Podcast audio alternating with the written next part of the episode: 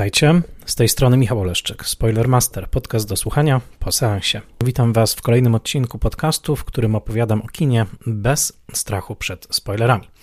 Zapraszam do posłuchania odcinka, jeżeli widzieliście już film, o którym mówię, ewentualnie jeżeli nie boicie się spoilerów. Ja jestem wykładowcą Wydziału Artes Liberales Uniwersytetu Warszawskiego, a ten podcast powstaje w całości po godzinach jako projekt popularyzujący wysokojakościową wiedzę o filmie. Mogę nagrywać cotygodniowe odcinki dzięki wsparciu patronek i patronów w serwisie patronite.pl. Serdecznie zachęcam Was do rozważenia takiego wsparcia. Wystarczy wejść na www.patronite.pl łamane przez Spoilermaster i zapoznać się z programami wsparcia, a także z bonusami takimi jak cotygodniowy obszerny newsletter czy comiesięczny Spoilermaster webinar na żywo. W tym miejscu, jak zawsze, dziękuję wszystkim patronkom i patronom, wszyscy, którzy wspierają podcast, także e, za pomocą systemu jednorazowych wpłat w serwisie Coffee a szczególnie dziękuję patronkom i patronom imiennym, to znaczy Agnieszce Egeman, Sebastianowi Firlikowi, Joannie i Dominikowi Gajom, Odiemu Hendersonowi, Beacie Hołowni, Adamowi Andrzejowi Jaworskiemu, Annie Jóźwiak, Tomaszowi Kopoczyńskiemu, Jarkowi Krauzowi, Magdalenie Lal, Bartoszowi Filipowi Malinowskiemu z bez schematu, Misiowi, Misiowej i Misiowi Juniorowi, Magdalenie Miśce Jackowskiej z podcastu Score and the City, Jakubowi Mrozowi, Iwonie Oleszczuk-Jaźwieckiej, Annie i Krystianowi Oleszczykom, Władimirowi Panfiłowowi, Tomaszowi Pikulskiemu, Magdalenie Święch, Weronice Więsyk, Jackowi Wiśniewskiemu, Michałowi Żołnierukowi, podcastowi Let's Mate Movies, czyli Jerzemu Zawackiemu i Tomaszowi Mączce, a także blogowi Przygody Scenarzysty, prezentującemu analizy scenariuszowe. Wielkie ukłony, to dzięki nim i wszystkim, którzy wspierają, teraz mogę nagrywać, a wy możecie słuchać. I witam Was w szczególnym odcinku, który powstaje w trakcie mojego półrocznego stypendium w Chicago w Stanach Zjednoczonych na University of Illinois Chicago. E, jestem tutaj dzięki polsko-amerykańskiej komisji Fulbrighta na stypendium Fulbright Slavic Award. I poza tym, że w ramach stypendium prowadzę tutaj zajęcia o polskim kinie dla tutejszych studentów, mam okazję eksplorować filmowe Chicago dzięki temu stypendium. I w związku z tym pomyślałem, że nie będzie lepszego czasu chyba, abym opowiedział Wam o dwójce krytyków filmowych, którzy dla każdego Amerykanina i nie tylko są zapewne najbardziej znanymi krytykami filmowymi wszechczasów, najbardziej medialnie rozpoznawalnymi, mianowicie o Rogerze Ibercie i Ginie Siskelu, którzy jako duet Siskel and Ebert zdominowali amerykańską rozmowę o filmach, przede wszystkim dzięki swojemu bardzo popularnemu telewizyjnemu show na ponad 20 lat, a ich wpływ jest odczuwalny do dzisiaj. Wpływ Rogera Iberta jest także odczuwalny w moim życiu i to na wielu płaszczyznach, o czym także opowiem. Dlaczego to jest dobry czas na taką opowieść? No właśnie dlatego, że obydwaj ci panowie urodzili się w Chicago i tutaj przez całe swoje życie działali. Gene Siskel urodził się w styczniu roku 1946 w Chicago. Zmarł dosyć młodo, bo w wieku lat 53, w lutym roku 1999, a zatem obecnie w 2024 obchodzimy 25. rocznicę tego odejścia, co także było dla mnie impulsem do nagrania tego odcinka. Natomiast Roger Ebert, odrobinę starszy, urodził się 18 czerwca roku 1942 w Urbana w stanie Illinois, a zmarł w wieku lat 70 w Chicago 4 kwietnia roku 2013. Pamiętam ten dzień bardzo dobrze. Wówczas już znałem Rogera Iberta osobiście i także pożegnałem go na łamach dwutygodnika artykułem w języku polskim, ale o tym wszystkim jeszcze dzisiaj opowiem. Dodatkowym impulsem do nagrania tego odcinka, do opowiedzenia Wam o Siskelu i Ibercie, o Ibercie i Siskelu, jest fakt, że pod koniec zeszłego 2013 roku pojawiła się także książka. Książka Mata Singera, mieszkającego w Nowym Jorku, krytyka filmowego, pod tytułem Opposable Thumbs How Siskel and Ebert Changed Movies Forever, co można przetłumaczyć jako przeciwstawne kciuki, jak Siskel i Ebert zmienili filmy na zawsze. O kciukach także opowiem. W tytule nie ma przesady. Rzeczywiście Siskel i Ebert to duet krytyczno-filmowy, który faktycznie wpłynął na historię kina i ja upieram się, że pozostaje to wpływ pozytywny. E, a Matt Singer napisał tak naprawdę pasjonującą 300-stronicową biografię współpracy, ponieważ nie zajmuje się on swoimi bohaterami tutaj osobno na ich ścieżkach, tylko faktycznie stworzył coś w rodzaju biografii duetu. Gdyby ktoś na polskim podwórku pokusił się o coś podobnego, musiałby zapewne napisać biografię duetu takiego jak Raczek i Kałużyński. Myślę o Tomaszu Raczku i Zygmuncie Kałużyńskim, którzy co prawda w swoich telewizyjnych wcieleniach przede wszystkim skupiali się na kinie starszym, myślę o cyklu Perły z Lamusa, ale także rozmawiali o filmach nowych, co zresztą zostało uwiecznione w książce pod tytułem Poławiacze Pereł. Swoją drogą namawiam, aby ktoś takiej biografii tamtego duetu się także podjął. Na pewno w mojej edukacji filmowej odegrał on także bardzo dużą rolę e, i nie tylko w mojej. A zatem y, fakty, które dzisiaj przytaczam, przede wszystkim pochodzą z tejże książki Mata Singera, ale także wiele rzeczy znalazłem w internecie. Dodam, że Siskel i Ebert, którzy byli stworzeniami pióra, przede wszystkim pisali.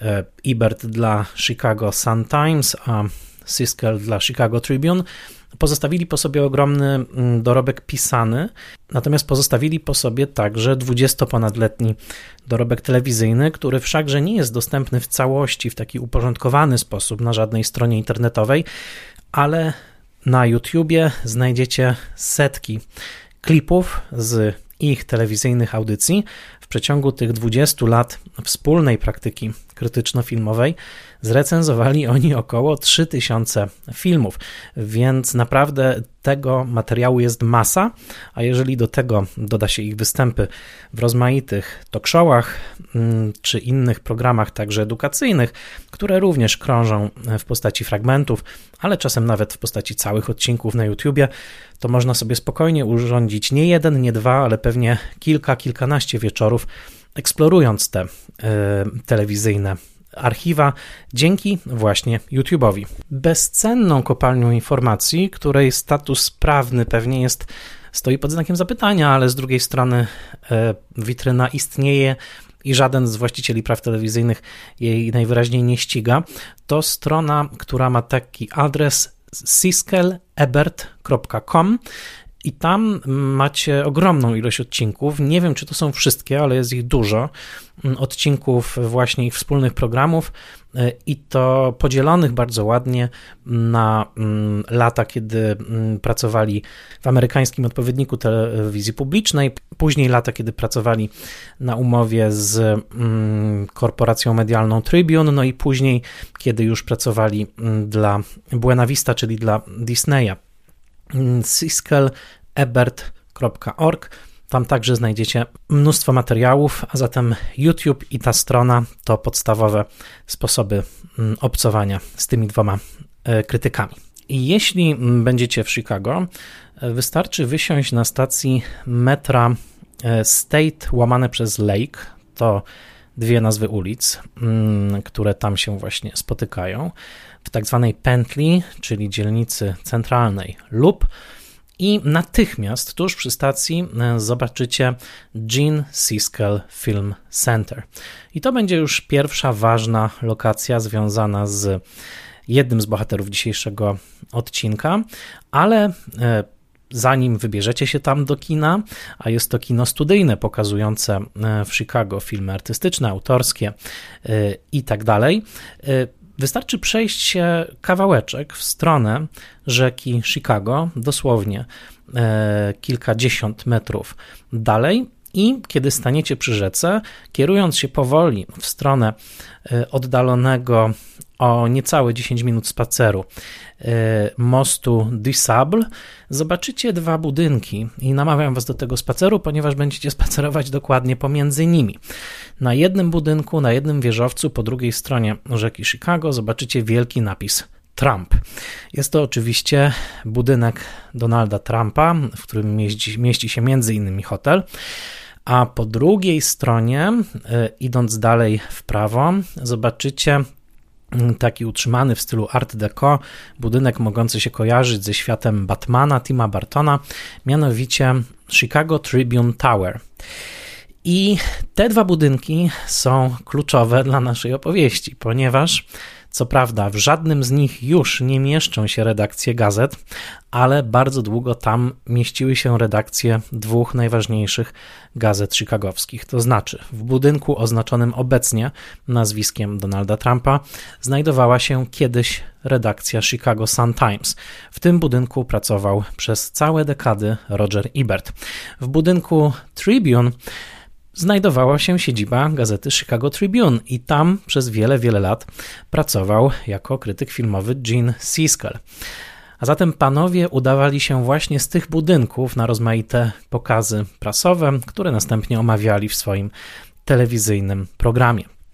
Obecnie budynek Chicago Tribune jest już w całości podzielony na luksusowe apartamenty, a jeżeli zbliżycie się do niego, zobaczycie, że w fasadzie są umieszczone rozmaite odłamki, cegły, fragmenty innych budynków i innych słynnych konstrukcji, takich jak chociażby mur chiński czy fragmenty teksańskiego Alamo. E, które zostały, no nie wiem dokładnie w jakiej procedurze, ten budynek na pewno nie został jeszcze, jak to się dzisiaj mówi, zdekolonizowany, ale zostały w jakiś sposób pozyskane, żeby dumnie ozdobić, a może nawet użyczyć swojej magicznej aury budynkowi właśnie gazety Chicago Tribune. Innymi słowy, będąc w sercu Chicago, jesteśmy jednocześnie w sercu miejsca, w którym kiedyś toczyło się pulsujące życie amerykańskiej prasy. Chicago to miasto szczycące się historią prasy papierowej i wieloma dziennikarskimi nazwiskami, które wyznaczały dziennikarskie standardy na długie dekady amerykańskiego medialnego życia. Obecnie oczywiście prasa papierowa jest już niemalże martwa, wszystko przeniosło się do internetu, no i tak jak mówię, w jednym budynku mieszkają milionerzy w luksusowych apartamentach, a w drugim króluje sobie Donald Trump. Natomiast przez bardzo wiele dekad te dwa budynki były właśnie takimi pulsującymi żyłami dziennikarskiego życia w mieście, które tymi dziennikarskimi tradycjami bardzo się szczyciło i z którymi między innymi związana jest najsłynniejsza amerykańska sztuka teatralna, a później także film związany z dziennikarskim życiem, a mianowicie Strona tytułowa, front page, która następnie była znana jako film Dziewczyna Piętaszek Howarda Hawksa. Roger Ebert e, zaczął recenzować filmy dla Chicago Sun-Times w roku 1967, a zatem w roku bardzo ważnym dla amerykańskiego kina, kiedy między innymi na ekranach pojawili się Bonnie i Clyde, czyli film obwieszczający początek nowego kina amerykańskiego. O tym filmie nagrałem osobny odcinek Spoilermastera. Gene Siskel trafił do Chicago Tribune dwa lata później, w roku 1969. Ebert wychował się tak naprawdę nieopodal Chicago, w miasteczku, które nazywa się Urbana i w którym do dzisiaj toczy się Ebert Fest, czyli festiwal imieniem Rogera Eberta.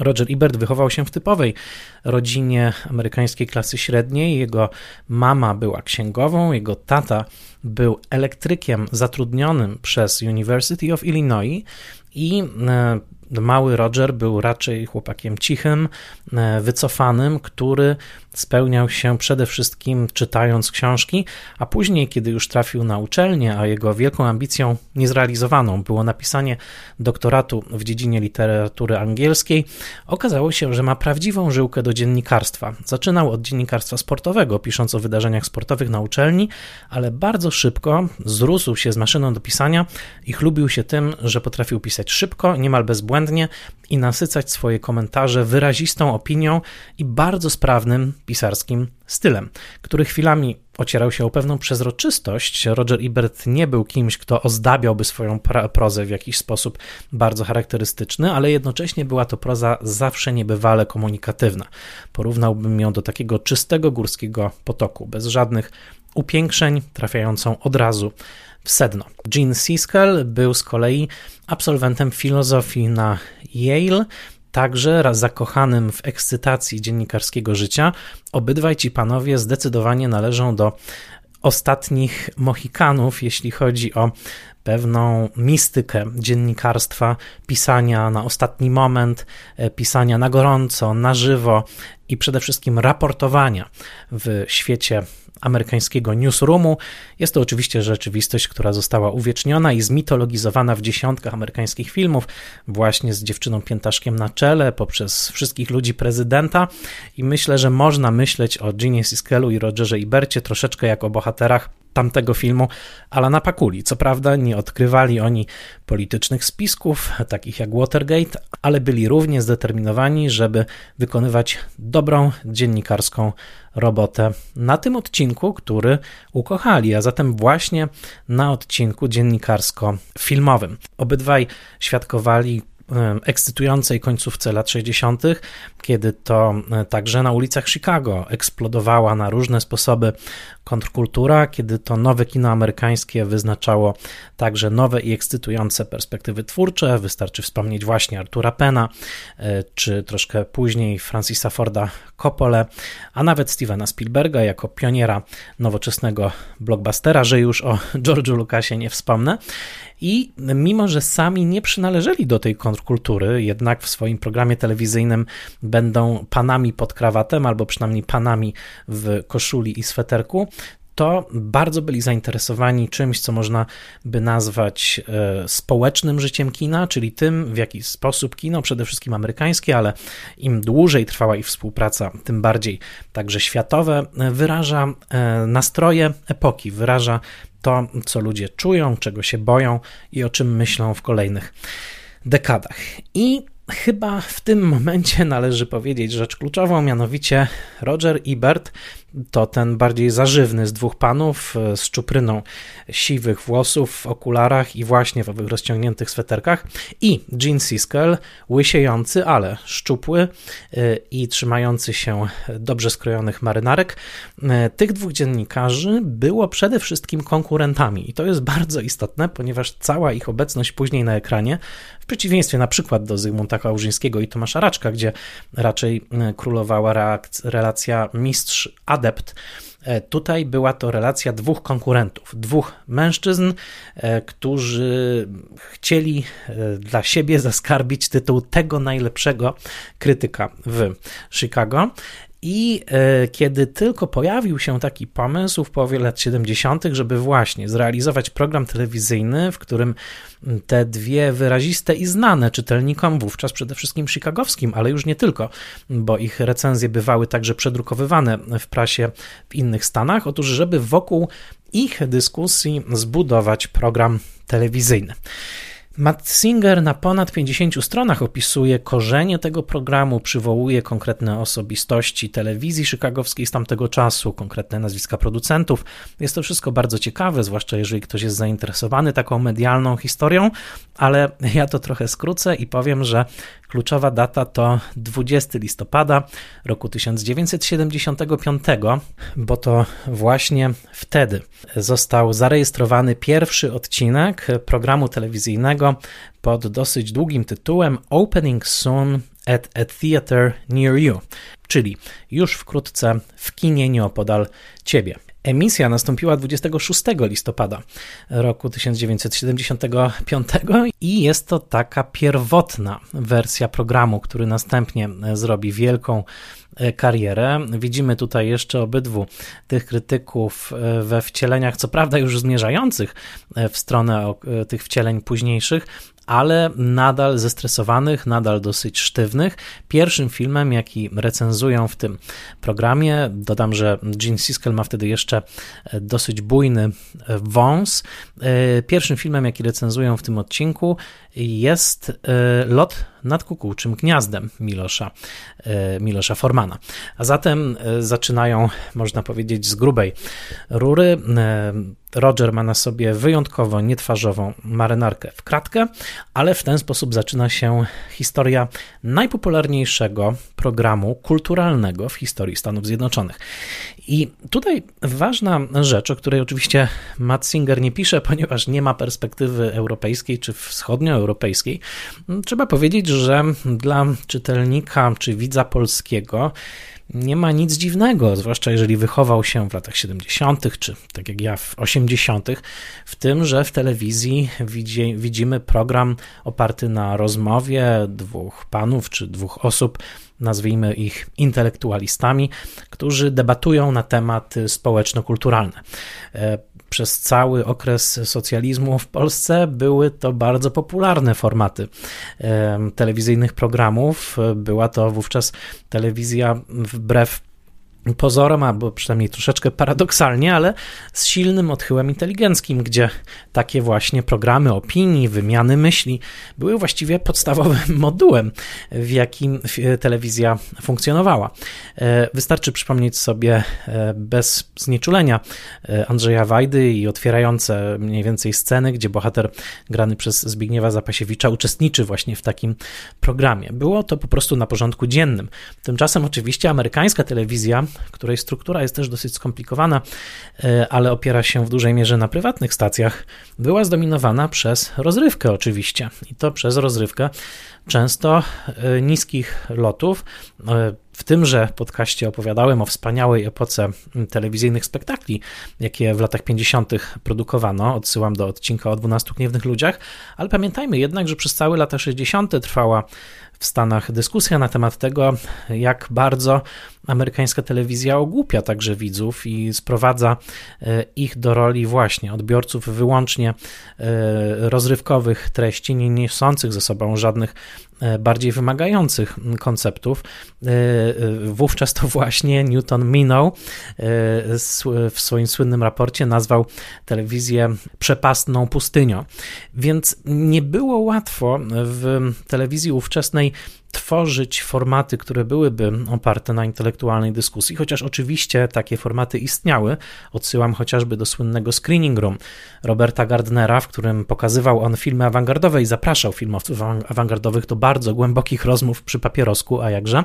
E, natomiast e, coś czymś zupełnie innym był tego typu program, który odniósłby sukces e, frekwencyjno-telewizyjny. Innymi słowy, taki program oparty na dyskusji, właśnie, który jednocześnie świetnie by się oglądał i po który sięgałaby większa rzesza widzów. I tutaj docieramy do prawdziwego fenomenu Iberta i Siskela, ponieważ z latami, chociaż stało się to nawet, można powiedzieć, dosyć szybko, okazało się, że ten program stał się programem popularnym. Co więcej, i to jest jedna z najciekawszych rzeczy. Otóż ten program często był oglądany nawet przez ludzi, którzy za bardzo do kina nie chodzili. Innymi słowy, okazało się, że jest to program, który widzowie oglądają przede wszystkim dla jego prowadzących, dla ich charakterów, indywidualnych, ale jednak przede wszystkim dla tego, w jaki sposób te charaktery wchodziły w interakcję. Bardzo często w interakcję antagonistyczną, albowiem panowie konkurowali ze sobą, nie do końca się lubili, przynajmniej na początku tej współpracy, i do końca swojej współpracy zachowali rodzaj napięcia, rodzaj tarcia, który ujawniał się właściwie w każdym odcinku. Często wykrzykiwali, pokrzykiwali na siebie, nie w sposób brutalny czy wulgarny, ale z takim podskórnym założeniem, że nie muszę być dla ciebie miły, Jean, nie będę dla ciebie miły, Roger, i będę bronił swojej opinii o filmie do upadłego. I właśnie ten element napięcia, ten element tarcia, ten element bardziej lub mniej przyjacielskiego i humorystycznie ogrywanego, ale jednak antagonizmu sprawił, że Rogera i Berta i Gina Siskela szybko zaczęli oglądać wszyscy, a przynajmniej ci, którzy rozpoznali, że tak naprawdę ten program jest nie tylko programem krytyczno-filmowym, ale także rodzajem sitcomu. Rodzajem sitcomu z bardzo wyrazistymi postaciami, e, właśnie także fizycznie skontrastowanymi. Duży, zażywny Ebert, chudy E, łysiejący dżin, którzy są w stanie pozabijać się, a jednocześnie nie ulega wątpliwości, którzy kochają kino, którzy kochają oglądać filmy, którzy kochają kłócić się o nie do upadłego i to na tej chemii został zbudowany sukces programu. E, to jest końcówka roku 70 1995. E, program został szybko przemianowany, był nadal nadawany w chicagowskiej telewizji WTTW, nazywał się Sneak Previews. Sneak Preview to taki pokaz filmu jeszcze przed jego premierą, który umożliwia recenzentom no właśnie, zobaczenie tego filmu i e, zrecenzowanie go. I w tej formule on trwał aż do jesieni roku 1982 i to jest okres, w którym produkowany w Chicago program był pokazywany e, także w rozmaitych stacjach stowarzyszonych z Public Broadcasting Service, czyli PBS-em, czyli właśnie nazwijmy to tą telewizją publiczną amerykańską. Kluczowa data zmiany, jednocześnie wielkiego sukcesu tego duetu, to jest końcówka roku 1982, kiedy to Roger Ebert i Gene Siskel przechodzą do telewizji komercyjnej, czyli to, co nazywa się po angielsku syndication, i to jest moment, w którym pro, projekt zaczyna być produkowany przez Tribune Entertainment, czyli de facto przez właścicieli gazety Tribune, i w tej formule z kolei trwa on aż do jesieni roku 1986, kiedy to Siskela i Berta podkupuje, oczywiście za ich zgodą, Disney, mianowicie firma Buena Vista, e, czyli dystrybucyjne ramię Disneya i już do końca, czyli do roku 1999, mm, kiedy to Roger Ebert i Jane Siskel nagrają ostatni odcinek wspólny. E, ich współpraca będzie przerwana śmiercią e, Gina Siskela na raka mózgu. E, pracują oni u Disneya. Co bardzo ważne, zastrzegli sobie w kontrakcie, że będą mogli nadal krytykować produkcje disneyowskie, i fakt pracy dla korporacji nie ograniczy ich wolności słowa i trzeba oddać im sprawiedliwość. Robili to.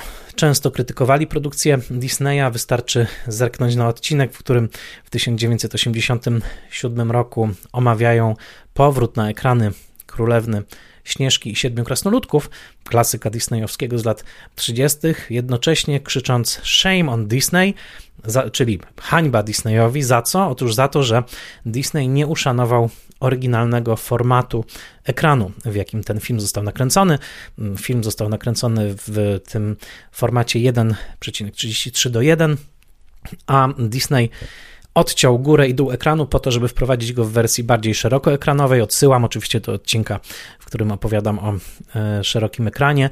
Mm, no i oczywiście owocowało to deformacją obrazu i Ebert i Sisker nie mieli żadnych problemów z tym, żeby źle mówić o własnym pracodawcy na e, antenie swojego programu. Taka jest historia mm, tego programu.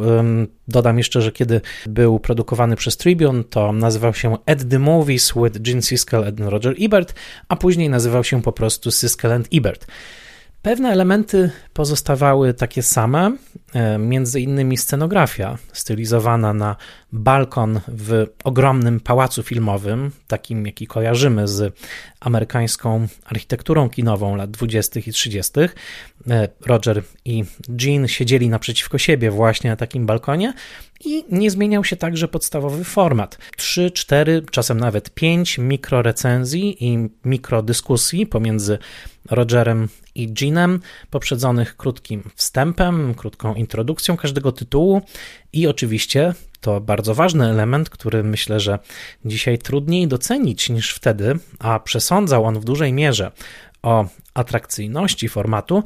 Mianowicie każda dyskusja była uzupełniona o krótki filmowy klip, fragment filmu, który był omawiany. To była duża atrakcja, ponieważ pamiętajmy, że w latach 70. i przez dużą jeszcze część lat 80. nie było innego sposobu, żeby zobaczyć fragment filmu, który właśnie był grany w kinach, jak właśnie upolować go w programie Siskala i Iberta. To jeszcze był czas sprzed internetu, sprzed kaset wideo, a zatem fakt, że Siskal i Ibert mogli ilustrować swoje krytyki właśnie filmowymi fragmentami, dodawał ich programowi atrakcyjności. Swoją drogą byłem bardzo zdziwiony czytając książkę Singera, bo ja też już trochę zapominam albo nie umiem sobie wyobrazić tych realiów prehistorii telewizyjnej. Otóż e, fragmenty były przekopiowane optycznie w laboratoryjnie na zlecenie e, programu Iberta i Siskela. Technicy musieli najpierw dostać od nich notatkę z tym, która scena powinna być wykopiowana. Następnie dystrybutor udzielał zezwolenia na wypożyczenie konkretnych rolek filmu z danego tytułu i trwało to wszystko kilka dni, żeby wykroić konkretny fragment. Podobno tylko Woody Allen był twórcą, który bardzo utrudniał ten proces, bo nie lubił, kiedy jego filmy były sprowadzane właśnie do krótkich klipów. Tak czy inaczej, ta formuła została dosyć szybko wypracowana.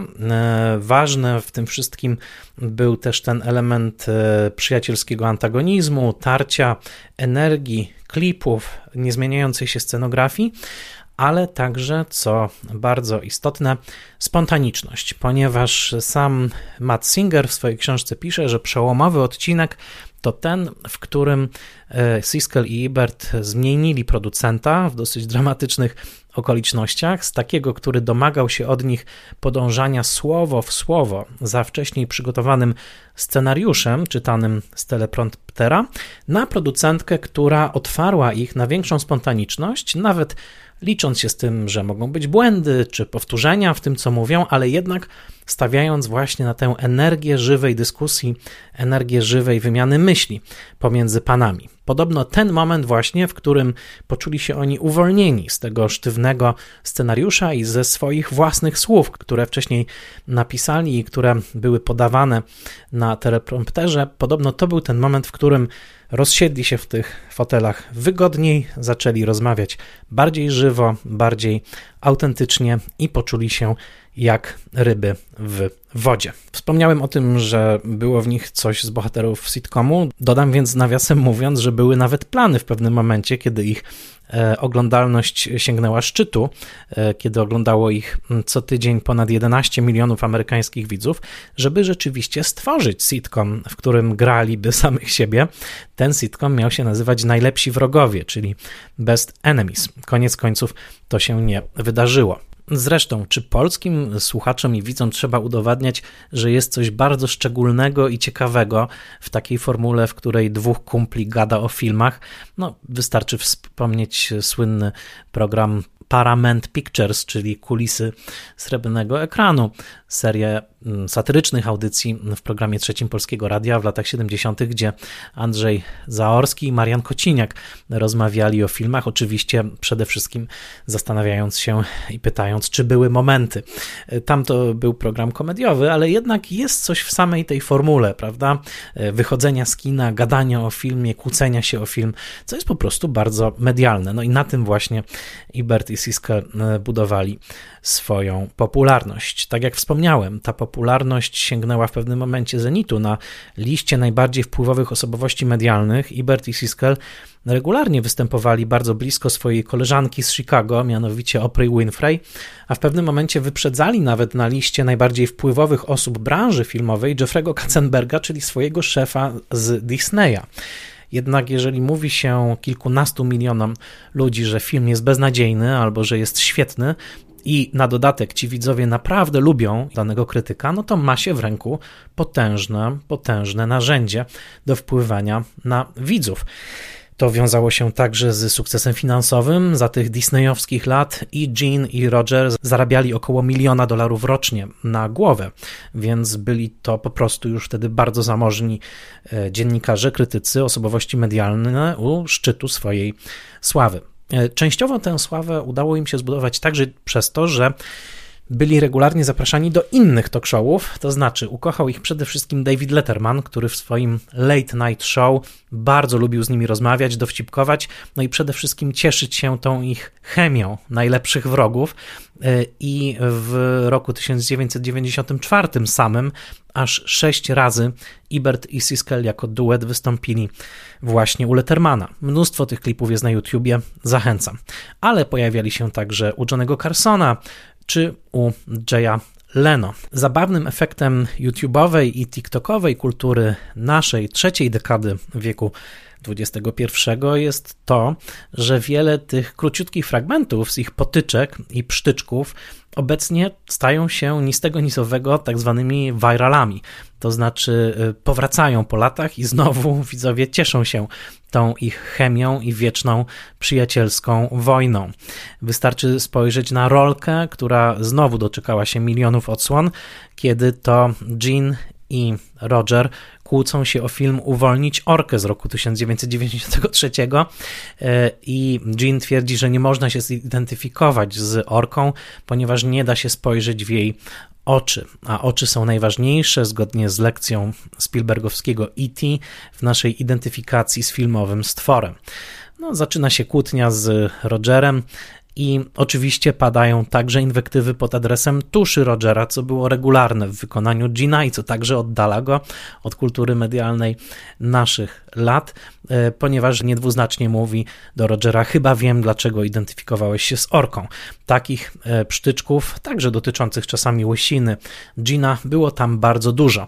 E, miało to w sobie pewien urok chłopackiej szatni czy kumpelskiego piwka, e, który w naszych czasach zdecydowanie jest pod obstrzałem, ale kto wie, czy e, nie zobaczymy jeszcze powrotu tego rodzaju bezlitosnego humoru. Oczywiście mm, pod warunkiem, że jest on podszyty tak niekłamaną sympatią i e, symbiozą, w jaka była udziałem Rogera i Gina właśnie. To jest też dobry moment, żeby mm, wspomnieć o kciukach, bo kciuki, które pojawiają się w użytku w programie Siskela i Berta w latach 80., to system oceniania filmów. Kciuk w dół, kciuk w górę, trochę jak gest rzymskiego cesarza w Koloseum. To był system, który wymyślił Roger i który stał się dosłownie znakiem firmowym dwójki, albowiem hasło two thumbs up oznaczające zgodę e, dwóch wspierających się jakże często krytyków, kiedy obydwaj postanawiali dać danemu filmowi kciuka w górę. Otóż hasło two thumbs up zostało przez nich opatentowane. Nikt nie może go używać w zgodzie z prawem amerykańskim jako wskaźnika jakości filmu e, w reklamie czy na plakatach. Hasło two thumbs up, dwa kciuki w górę, zostało objęte takim prawnym tabu jako znak firmowy. E, I właśnie stąd także tytuł książki Mata Singera, Przeciwstawne kciuki, e, odwołujący się i do procesu ewolucyjnego, ale przede wszystkim do tej metody oceniania, która stała się jednoznacznie kojarzona z duetem Siskel i Ebert. Dużą ich zaletą było także to, że nie bali się mówić wprost o filmach, które faktycznie im się nie podobały. E, często nawet w oczy twórcom tych filmów. I tutaj polecam Wam szczególnie jeden klip, to znaczy moment, w którym bodajże właśnie w Tonight Show Roger mówi e, o filmie Cheviego Chase'a e, Trzech Amigos, to jest rok 1986, jako o najgorszej komedii sezonu. E, Chevy Chase siedzi obok niego na kanapie i nie jest zadowolony z tego, co słyszy. Jest to dosyć wyraźne, chociaż Matt Singer mówi, że po nagraniu przyszedł do garderoby Rogera i powiedział, że zgadza się z krytyką, tylko że nie może krytykować filmu, w którym wystąpił publicznie. Ale kto wie, czy najwspanialszą cechą Rogera Iberta i Gina Siskela nie było to, że regularnie stawali oni po stronie filmów niewielkich, małych, mikroprodukcji niezależnych, które naprawdę bez ich wsparcia nie osiągnęłyby nawet ułamka sukcesu kasowego. E, Errol Morris, twórca Wrót Niebios, nie mylić z Wrotami Niebios Michaela Cimino, nie chodzi mi o ten słynny western z 80 roku, tylko chodzi mi o film dokumentalny Erola Morrisa Gates of Heaven, poświęcony cmentarzom dla zwierząt, e, czyli tak zwanym grzebowiskom. Otóż ten malutki dokument, który miał swoją premierę na festiwalu nowojorskim w 78 roku, przeszedł zupełnie bez echa, aż do momentu, kiedy dwa lata później Ibert i Siskel go jakoś nomen omen nie wygrzebali i dali entuzjastyczną recenzję, która sprawiła, że nagle pojawił się popyt na ten film i tak naprawdę kariera Morisa wystrzeliła od tego momentu. Sam mówi, że zawdzięcza im swoją karierę. Mm, Moja kolacja z André, film, który jak wiemy, jak słuchacze Spoilermastera wiedzą, jest bardzo bliski mojemu sercu. Na kino wieczerzy w kinie Muranów niedawno go pokazywaliśmy razem z Timeless Film Festival. Otóż ten film także w dużej mierze zawdzięczał e, fakt pozostania na nowojorskim ekranie e, Dana Talbota przez ponad rok, ponieważ już w momencie, kiedy ten film znikał z ekranu, Roger Ebert i Siskel tak się nim zachwycili, że e, publiczność nagle zaczęła na ten film chodzić i przez ponad rok na ten film wchodziła. E, scenarzyści tego filmu, czyli Wally Shawn i Andre Gregory, zaprosili nawet Rogera i Gina na ostatni pokaz tego filmu w ramach dystrybucji regularnej, na QA po pokazie i dziękowali im, bo gdyby nie ich recenzja, to ten malutki malutki film kameralny oparty na jednej rozmowie przy stoliku restauracyjnym na pewno nie doczekałby się tak długiego ekranowego życia. Y, książkowym przykładem wpływu Iberta i Siskela był także ich zachwyt nad dokumentem koszykarskim Steve'a Jamesa pod tytułem Hoop Dreams, ten zrealizowany w 1994 roku. Trzygodzinny film dokumentalny nakręcony techniką wideo i śledzący losy dwóch chłopaków z Chicago, którzy próbują przebić się w świecie profesjonalnej koszykówki, e, był właściwie zignorowany przez wszystkich dystrybutorów. Do momentu, kiedy Gene i Roger nie poświęcili mu kilku programów, nazywając go jednym z kluczowych filmów dekady i tak naprawdę ich wsparcie zadecydowało o wielkim sukcesie tego tytułu i o wpływach ponad 6 milionów dolarów dla filmu zrealizowanego w formule w zasadzie no budżetowej. Jeśli dodać do tego fakt, że Siskel i Ebert regularnie produkowali odcinki specjalne, w których zwracali uwagę na ważne trendy światowego kina. Mówili między innymi w sposób dosyć pionierski o potrzebie konserwacji e, taśm filmowych. Porozumieniu z Lucasem Spielbergiem i Scorsese wydali nawet książkę pod tytułem The Future of Film, w której e, pisali o konieczności dbałości o nośniki fizyczne, o ich ciągłe odnawianie, o potrzebę archiwizacji. Krytykowali proces koloryzacji filmów, właściwie zbombardowali ten pomysł, który na szczęście się nie przyjął. Dzisiejsi młodzi słuchacze mogą, że nawet nie wiedzą, że był taki trend w latach 90., mianowicie podkolorowywanie czarno-białych filmów. Do dzisiaj prześladuje mnie wyświetlana na Polsacie kolorowa Casablanca. Ibert i Siskel byli instrumentalni w zbombardowaniu tego pomysłu, który nazywali barbarzyńskim i nielicującym z estetyką pięknego czarno-białego kina. Zrealizowali wtedy cały odcinek w czerni i bieli, właśnie chwaląc czerń i biel jako wspaniały e, środek artystycznego wyrazu, który koloryzacja całkowicie deptała zrealizowali odcinek o przemocy wobec kobiet w horrorach lat 80., krytykując serię filmów gore, w których kolejne kobiety były dźgane nożami, mordowane na różne sposoby. Oczywiście o kinie gore mówiłem tutaj przy okazji w lesie dziś, dziś nie zaśnie nikt Bartosza Kowalskiego. Oni zwrócili uwagę na to, że co prawda niektóre z tych filmów są bardzo dobre e, realizatorsko, ale także, że wyrażają one pewien niepokojący trend mizoginii w kulturze. To wszystko był sposób, w jaki używali tej platformy, którą zbudowali e, Roger i Jean do naświetlania bardzo istotnych problemów kultury filmowej, trendów, a także pytań o przyszłość tej kultury i za to także należy im się ukłon, nawet jeśli mm, zapomnimy o tych wszystkich twórcach kina niezależnego i zagranicznego także, których pomogli oni wypromować. Dodam, że w zebranych recenzjach Iberta, którym przyznał on w swojej mm, prasowej kolumnie cztery gwiazdki, czyli maksimum, znajdują się także filmy polskie, m.in. filmy Krzysztofa Kieślowskiego z dekologiem na czele, ale także Film, który ukochał sobie Ibert w Polsce, zapomniany i niedoceniony, Rok Spokojnego Słońca Krzysztofa Zanussiego. A zatem należy także oddać temu filmowi honor. To wciąż film, o którym za rzadko pamiętamy, że między innymi wygrał festiwal filmowy w Wenecji. Współpraca Iberta i Siskela trwałaby na pewno o wiele dłużej, gdyby nie fakt, że Gene Siskel zachorował na raka mózgu. Ukrywał swój stan zdrowia bardzo poważny nawet przed Rogerem, który po nagraniu odcinka wiosną roku 1999, w którym jako ostatni film omówili sztukę latania Pola Greengrassa, Roger nie miał pojęcia, że już nigdy z Jeanem odcinka nie nagra. 17 dni później Jean już nie żył. 53 e, lata to bardzo młoda śmierć człowieka, zwłaszcza który był tak aktywny i w swoim dziennikarstwie, i humorze, który reprezentował. Bardzo często robił różne psikusy Ibertowi, zresztą czasami z wzajemnością, i było bardzo wyraźne, że dla Rogera Iberta jest to ogromna strata. Przez następne 13 lat Ibert próbował na różne sposoby e, swój program najpierw prowadzić z kim innym. E, najdłużej ostał się Richard Roper jako jego ekranowy partner. Później, kiedy sam Ibert zaczął z kolei chorować na raka szczęki, e, inne osoby przejmowały stery w programie. Ta lista nazwisk jest dosyć długa, no ale oczywiście kluczowym momentem był moment usunięcia dolnej szczęki Rogerowi Ibertowi, który sprawił, że ten krytyk, który zrobił karierę przede wszystkim swoim głosem, nagle przestał mówić. Roger Ebert pozostał aktywny jako dziennikarz publikujący i redagujący swoją stronę, do dzisiaj istniejącą, rogerebert.com, właściwie do ostatnich dni swojego życia. Zmarł na początku roku 2013 i tak jak wspomniałem, wówczas znałem już go osobiście. I tutaj jest pora na otwarcie ostatniego rozdziału tej opowieści.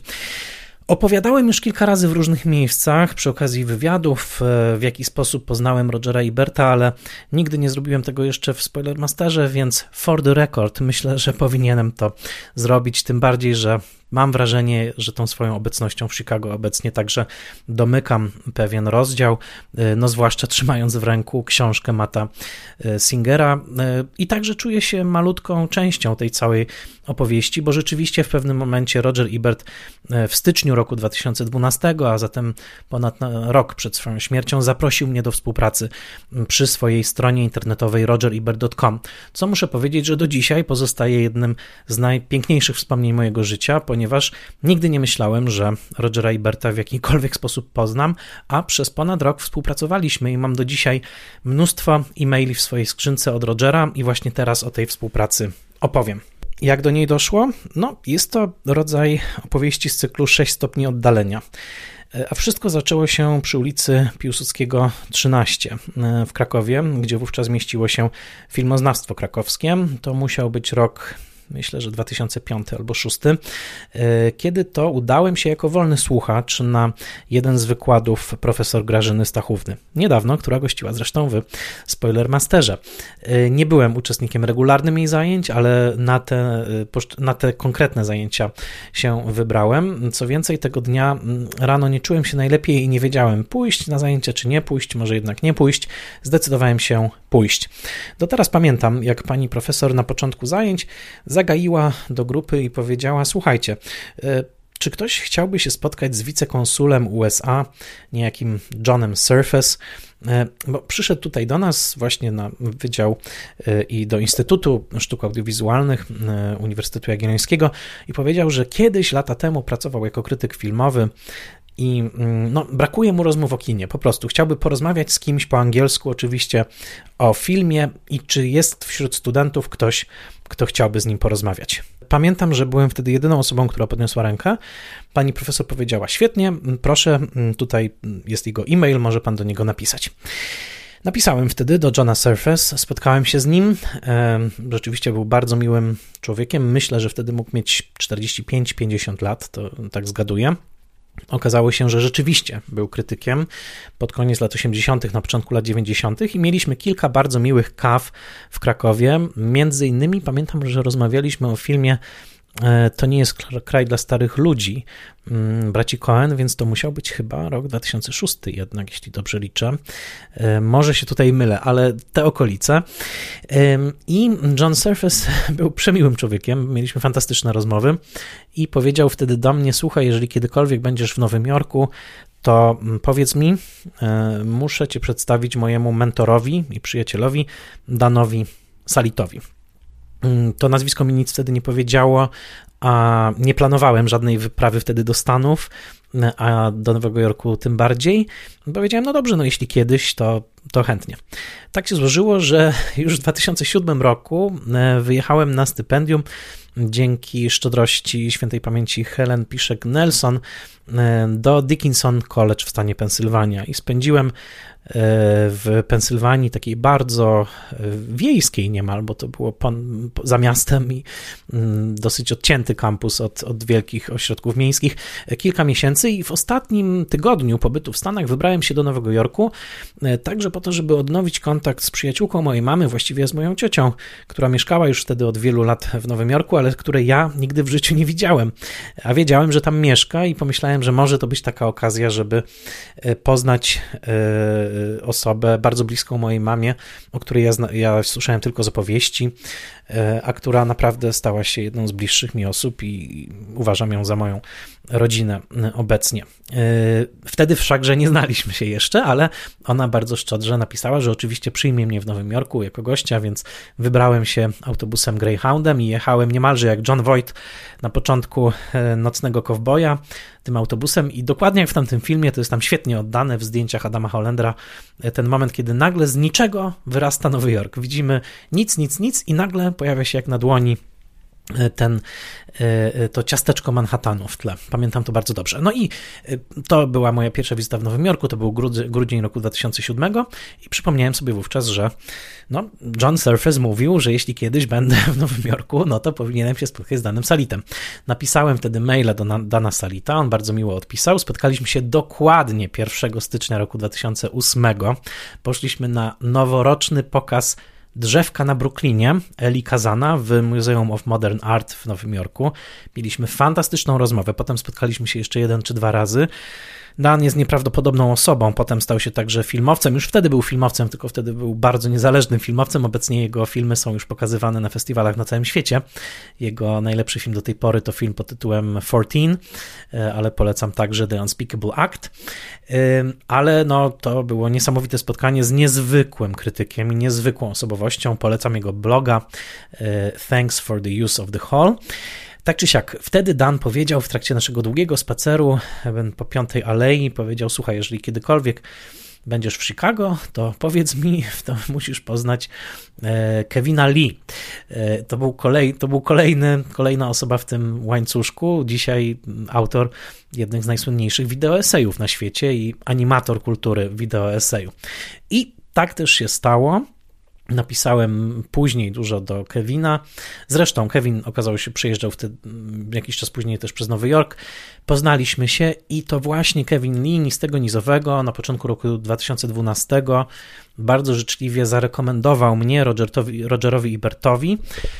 I cóż, no mam przed sobą maila z 5 stycznia roku 2012, kiedy to Roger odpisuje Kevinowi, jestem dołączony do tej wiadomości, mm, pisząc, y, że bardzo mu się podobają teksty, które Kevin przesłał, to były moje teksty anglojęzyczne. Mm, no i cóż, y, Tydzień później na stronie Rogera i Berta już pojawił się mój pierwszy tekst. To był tekst poświęcony filmowi Na samym dnie y, Jerzego Skolimowskiego. I potem napisałem jeszcze kilkanaście, jeśli nie kilkadziesiąt, licząc także relacje festiwalowe z Cannes i Sundance, tekstów właśnie na stronę rogeribert.com. Większość tych tekstów aż do końca życia Rogera były edytowane przez niego. Stąd pokaźna korespondencja, którą mam w swojej skrzynce i piękny mail, który dostałem od niego po tym, jak napisałem tekst o filmie Kochanie, zmniejszyłem dzieciaki, czyli o filmie mojego dzieciństwa, jednym z filmów mojego dzieciństwa, gdzie Roger napisał: Tekst jest wspaniały, dlatego że po raz pierwszy zobaczyłem film Twoimi oczami. Ja pisałem ten film z perspektywy dzieciaka lat 80. w Polsce, dla którego przedmioty amerykańskie i zachodnie już w punkcie wyjścia były większe niż życie, a fakt, że bohaterowie w filmie zostali pomniejszeni i rzeczywiście patrzyli na e, te wszystkie obiekty e, z perspektywy mrówki, e, sprawił, że tak naprawdę patrzyli na nie tak jak ja przez całe życie, ponieważ te obiekty były dla mnie całkowicie niedostępne. Roger bardzo wtedy miłe słowa napisał właśnie o tym, jak zawarłem swoją własną perspektywę w tamtym tekście. Dłoń Rogera uścisnąłem w roku 2012, ponieważ zaprosił mnie wówczas na festiwal Ebert Fest. To był niesamowity moment. Mm, umysł Rogera nigdy się nie zestarzał. Był nieprawdopodobnie aktywny, porozumiewał się generatorem mowy w swoim komputerze, ale miał także notatnik, w którym ręcznie pisał ołówkiem, bardzo szybko pisał odpowiedzi, więc mimo, że już wtedy nie miał dolnej szczęki, e, był cały czas uśmiechnięty e, i to było widać e, w tej zmienionej już wtedy nie do poznania twarzy. I podszedłem do niego wtedy, uścisnąłem mu dłoń, mam zdjęcie, także wrzuciłem je na grupie patronackiej, pewnie wrzucę je także w dniu premiery tego odcinka. I nigdy nie zapomnę, powiedziałem mu, że uczyłem się angielskiego też częściowo z jego recenzji, bo to prawda, mój tata przywiózł mój z podróży do Stanów takiej mm, szkoleniowej e, płytę Cinemania 96 mianowicie CD-ROM, czyli taki internet przed internetem, dużą bazę danych na płycie, gdzie były także recenzje Rogera Iberta i ja te recenzje czytałem i także na nich uczyłem się języka, więc powiedziałem prawdę, a Roger napisał na karteczce i tego żałuję, że tej karteczki wtedy nie zabrałem, bo miałbym pamiątkę na całe życie. Napisał wtedy na tej karteczce ołówkiem nic dziwnego, że twój angielski jest tak dobry. Oczywiście dowcipnie i pięknie, jak to, jak to on. Było to dla mnie niesamowite spotkanie, niesamowity czas. Chciałem tę historię opowiedzieć, ponieważ nie uścisnąłbym tej dłoni Iberta, gdybym tego dnia nie wybrał się na zajęcia do profesor Stachówny, ale także gdybym nie podniósł ręki i nie spotkał się z Johnem Surface i gdyby nie uruchomił się cały ten ludzki łańcuszek, więc niech to też będzie zachęta dla każdego i każdej, kto słucha tych odcinków, że czasami warto po prostu pójść, czasami warto tę rękę podnieść, czasami warto działać, warto spotkać się, warto porozmawiać, bo nigdy nie wiadomo, co z tych ziarenek na drodze życiowej wyrasta. No, obecnie właśnie jestem tu na stypendium, byłem już kilkukrotnie na seansach w Gene Siskel Film Center, między innymi obejrzałem po raz pierwszy na dużym ekranie prosto z serca e, Francisa Forda Coppoli w wersji odrestaurowanej cyfrowo. I mam takie wrażenie właśnie, kiedy już kilkukrotnie chodziłem tutaj na filmy do kina AMC, przy ulicy East Illinois, mijając właśnie budynek były Chicago Sun-Times i były budynek Chicago Tribune, że na jakiś taki swój niewielki sposób, ale jednak także to moją pasję filmową wplotłem, czy właściwie los łaskawy wplótł w tą większą o wiele ode mnie samego opowieść, jaką jest Pasja Iberta i Siskela to, w jaki sposób obydwaj genialnie wykorzystali telewizyjne medium po to, żeby poszerzać gusta filmowe i spektrum filmowych zainteresowań swoich widzów, nie zamykając się w amerykańskiej produkcji komercyjnej, cały czas otwierając się na nowe tytuły, nowe głosy, nowe nazwiska, promując twórców kina trudniejszego, ambitnego, wykorzystując tą swoją wielką oglądalność, wielką platformę, jaką mieli, po to właśnie, żeby siać miłość do kina coraz to szerzej. Ja nie jestem jedyny, jest, są dziesiątki, są setki krytyków i krytyczek, którzy zaczynali swoje filmowe pasje od jakiegoś śledzenia tego, co mówili Roger Ebert i Gene Siskel. Nawet ja w Polsce, nie mając dostępu do, je, do ich programów, odprysk ich pasji otrzymałem w postaci tego CD-ROMu e, Cinemani, no a potem oczywiście poprzez internet poznałem ich twórczość o wiele, wiele lepiej. A zatem nasze imię milion. Jest mnóstwo obecnie youtuberów, podcasterów, przecież właśnie słuchacie Spoilermastera, ludzi, którzy tworzą treści, rozmowy, dyskusje, kłótnie w formie wideo, w formie audio, w formie TikToka, dzieląc się pasją do kina, edukując się wzajemnie, dokształcając się w zakresie klasyki, w zakresie tego, co w kinie współczesnym jest najlepsze. Wszyscy jesteśmy w pewnym sensie dziećmi tamtej formuły, ale przede wszystkim dziećmi jej wielkiego sukcesu, tego, że tych dwóch krytyków wlało w ten program telewizyjny nie tylko swoją pasję, wiedzę, pracowitość i oczywiście ambicje i sukces, ale także swoją relację. Właśnie dwóch ludzi, dla których kino było na tyle ważne, żeby się o nie w przyjacielski, czasem ostry, ale zawsze cywilizowany sposób pokłócić. A zatem z tego miejsca także Dziękuję im, dziękuję Rogerowi, dziękuję Ginowi za to, że w tak wielu ludziach, których także potem poznałem, zasiali tą pasję i to wszystko trwa do teraz.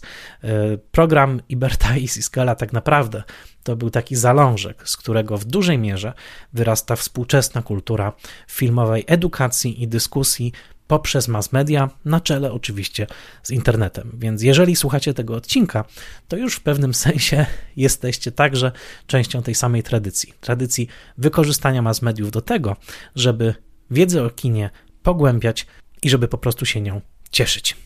Nie wyobrażam sobie lepszego finału tego odcinka, jak po prostu to, żebyście teraz usiedli do YouTube'a, wpisali Siskel Ebert i żebyście spędzili pół godziny czy godzinę po prostu obcując z klipami tych dwóch panów. Ale tak naprawdę, jeżeli po tym odcinku przełączycie się na inny podcast filmowy, a jest ich dużo i po polsku, i po angielsku, to i tak będziecie kontynuować to, co zaczęło się niepozornym, trochę sztywnym odcinkiem nagranym w listopadzie roku 75 w Chicago. Wówczas program nazywał się Opening Soon at the Theater Near You. Obecnie oczywiście e, premiery filmowe następują co sekundę w streamingach i w rozmaitych innych serwisach, ale wciąż spotkanie z filmem dobrym jest czymś szczególnym, a przewodnikami i przewodniczkami po tym świecie są ludzie, którzy wlewają energię i pracę właśnie w to, żeby edukować, dopowiadać, przedstawiać nowe talenty i po prostu tworzyć wspólnotę kochającą kino. Myślę, że Spoilermaster także robi to na swój sposób i robi to oczywiście dzięki wsparciu wszystkich osób, które słuchają tej audycji, którzy szerują ją w mediach społecznościowych i także tych przede wszystkim, którzy wspierają tę audycję w w Patronajcie. Zachęcam także do zaglądania na stronę rogerebert.com. Tam cały czas duża grupa krytyków, większość jeszcze zatrudniona przez Rogera za jego życia, kontynuuje jego misję. Opiekunką tej strony jest wdowa po Ibercie, czyli Chas Ibert, którą poślubił w roku 1992. No i oczywiście zawsze zachęcam do obejrzenia dokumentu Steve'a Jamesa pod tytułem Life Itself, czyli adaptacji wspomnień e, Rogera Iberta, wydanych pod koniec jego życia. To dwugodzinny film dokumentalny, w którym poznajemy całą historię życia Iberta, jego krytyki filmowej i w którym nawet przez sekundę miga moje nazwisko, bo kiedy jest sekwencja nekrologów z całego świata po śmierci Rogera, to pojawia się także e, chwilę mój tekst z dwutygodnika, e, a zatem e, także z tego względu ten film jest mi bliski, bo ten kawałeczek mojej historii splecionej z historią Iberta jest także w tym filmie obecny. Mam nadzieję, że ten odcinek przybliżył Wam trochę te dwie legendarne postaci chicagowskiej sceny filmowej i mam nadzieję, że będziecie kontynuować tę znajomość e, i przede wszystkim, że misja Rogera i Gina pozostanie żywa w Waszych sercach. Sam fakt, że słuchacie tego odcinka już o tym świadczy, a jak skończycie, to jestem przekonany, że już macie jakąś watchlistę i pewnie wkrótce usiądziecie w kinie, czy przed telewizorem w domu, czy przed komputerem i poznacie kolejny film, kolejnego twórcę, kolejną twórczynię, kolejny tytuł, kolejną fabułę. Na tym polega ta ciągła, nieskończona przygoda, jaką jest kultura filmowa. Bardzo Wam dziękuję. To dla mnie szczególny odcinek nadawany ze szczególnego miejsca. Dziękuję Wam za uwagę. Jak zawsze zapraszam, ponieważ Kolejny Spoilermaster już za tydzień.